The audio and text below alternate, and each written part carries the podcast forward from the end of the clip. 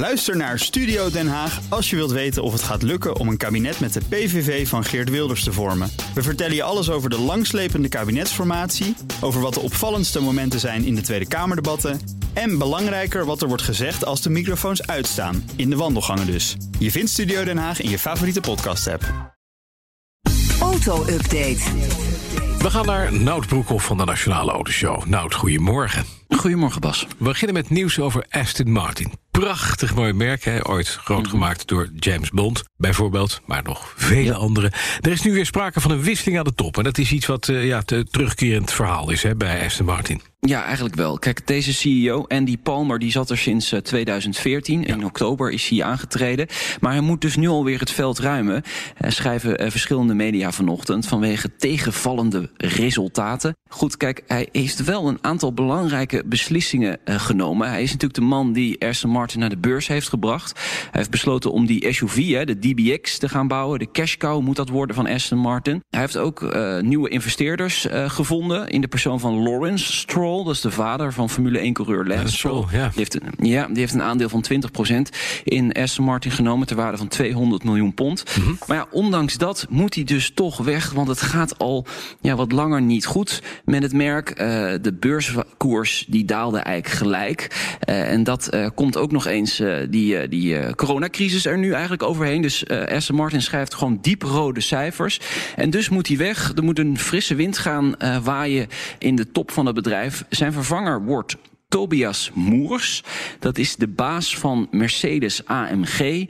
Aston Martin werkt samen met Mercedes AMG. Dat is het moederbedrijf. Daimler heeft ook een aandeel van 5% in eh Aston Martin. Je, je ziet eigenlijk ook heel veel invloeden van eh, Mercedes AMG in modellen van Aston Martin. Bijvoorbeeld de Vantage heeft de V8 van Mercedes AMG onder de kap liggen. En ook in het interieur zie je allemaal onderdelen die van Mercedes af- afkomstig zijn. Dus zijn, ja. Wat dat betreft is het niet heel erg verrassend dat die man op die plek wordt neergezet. Duidelijk. Dan even naar een ander Duits concern. Volkswagen heeft problemen niet alleen met de software van de nieuwe Golf... maar nu ook met de ID3. Het is een aparte lijn met elektrische auto's. Die, die kleine elektrische auto. D- er staan velden van die dingen geparkeerd... die niet afgeleverd Ja. kunnen worden. Maar er lijkt een oplossing in de maak, begrijp ik. Ze hebben altijd gezegd bij Volkswagen, die ID3 die komt deze eh, zomer op de markt. Ja. En hij zal er ook komen. Dat heeft Volkswagen altijd gezegd. Mhm. Eh, ja, dus ze moeten oplossingen vinden. En de oplossing is nu dat Volkswagen gaat de auto met minder digitale functies uitrusten, meldt eh, Der Spiegel. Mhm. Dus updates moeten er later voor gaan zorgen dat die auto toch weer up-to-date is. Maar hij is dus eigenlijk niet up-to-date als hij op de markt komt. Eh, en die eerste updates, eh, die laat de auto niet zelf, zo- zoals dat nu gaat, over die air, eh, via het internet, zullen we maar zeggen. Je moet later terug dus naar de dealer om de eerste updates te laten installeren. Met, ja, het is toch een beetje ouderwets, vind je niet? Ja, nou, dat vind ik ook, ja. Ja, en zo wil je je belangrijkste model natuurlijk in jaren eigenlijk niet op de markt brengen. Maar ja, ze hebben altijd vastgehouden aan deze zomer komt hij. Hij komt op de markt, echt waar, hij gaat komen. Dus ja, ze moeten gewoon een oplossing vinden om Ja. daaraan te voldoen. Volgens mij hebben ze er meer dan 30.000 verkocht al in, eh, in Europa. Ja. Dus ja, eh, hij en- moet gewoon komen. Ja, en mensen zitten dus inderdaad met een gekochte auto die stilstaat... omdat die het niet doet, softwaretechnisch. En die moeten we eerst naar de dealer toe. Nou, Klopt, hè? De- de- Er zijn foto's eh, van velden vol met die ID3's... Ja. waar ze eigenlijk geen raad mee weten nog. Nee. Eh, nou ja, goed, ze weten er dus nu schijnbaar wel, Wel raad, raad mee. Ja, en eh, die softwareproblemen aan zich... Ja, kijk, eh, wij weten het fijn er eigenlijk niet van... maar het zou voor ons der spiegel gaan om de altijd-aan-functie van die auto... waarmee je eigenlijk een constante, ja, hoe zeg je dat... stroom aan informatie uitzendt eh, eh, met je auto... en dus eigenlijk altijd aan het internet hangt. Maar daar zouden ze dus problemen mee hebben, zegt der spiegel. Oké. Dan nog eventjes naar Charles Leclerc, die Ferrari Formule 1-coureur. Die had gisteren de dag van zijn leven in Monaco. Ja, gisteren moest natuurlijk de Monaco Grand Prix verreden worden. Ja. Vroeg in de ochtend kreeg hij de kans om de boel even lekker wakker te schudden. Luister maar.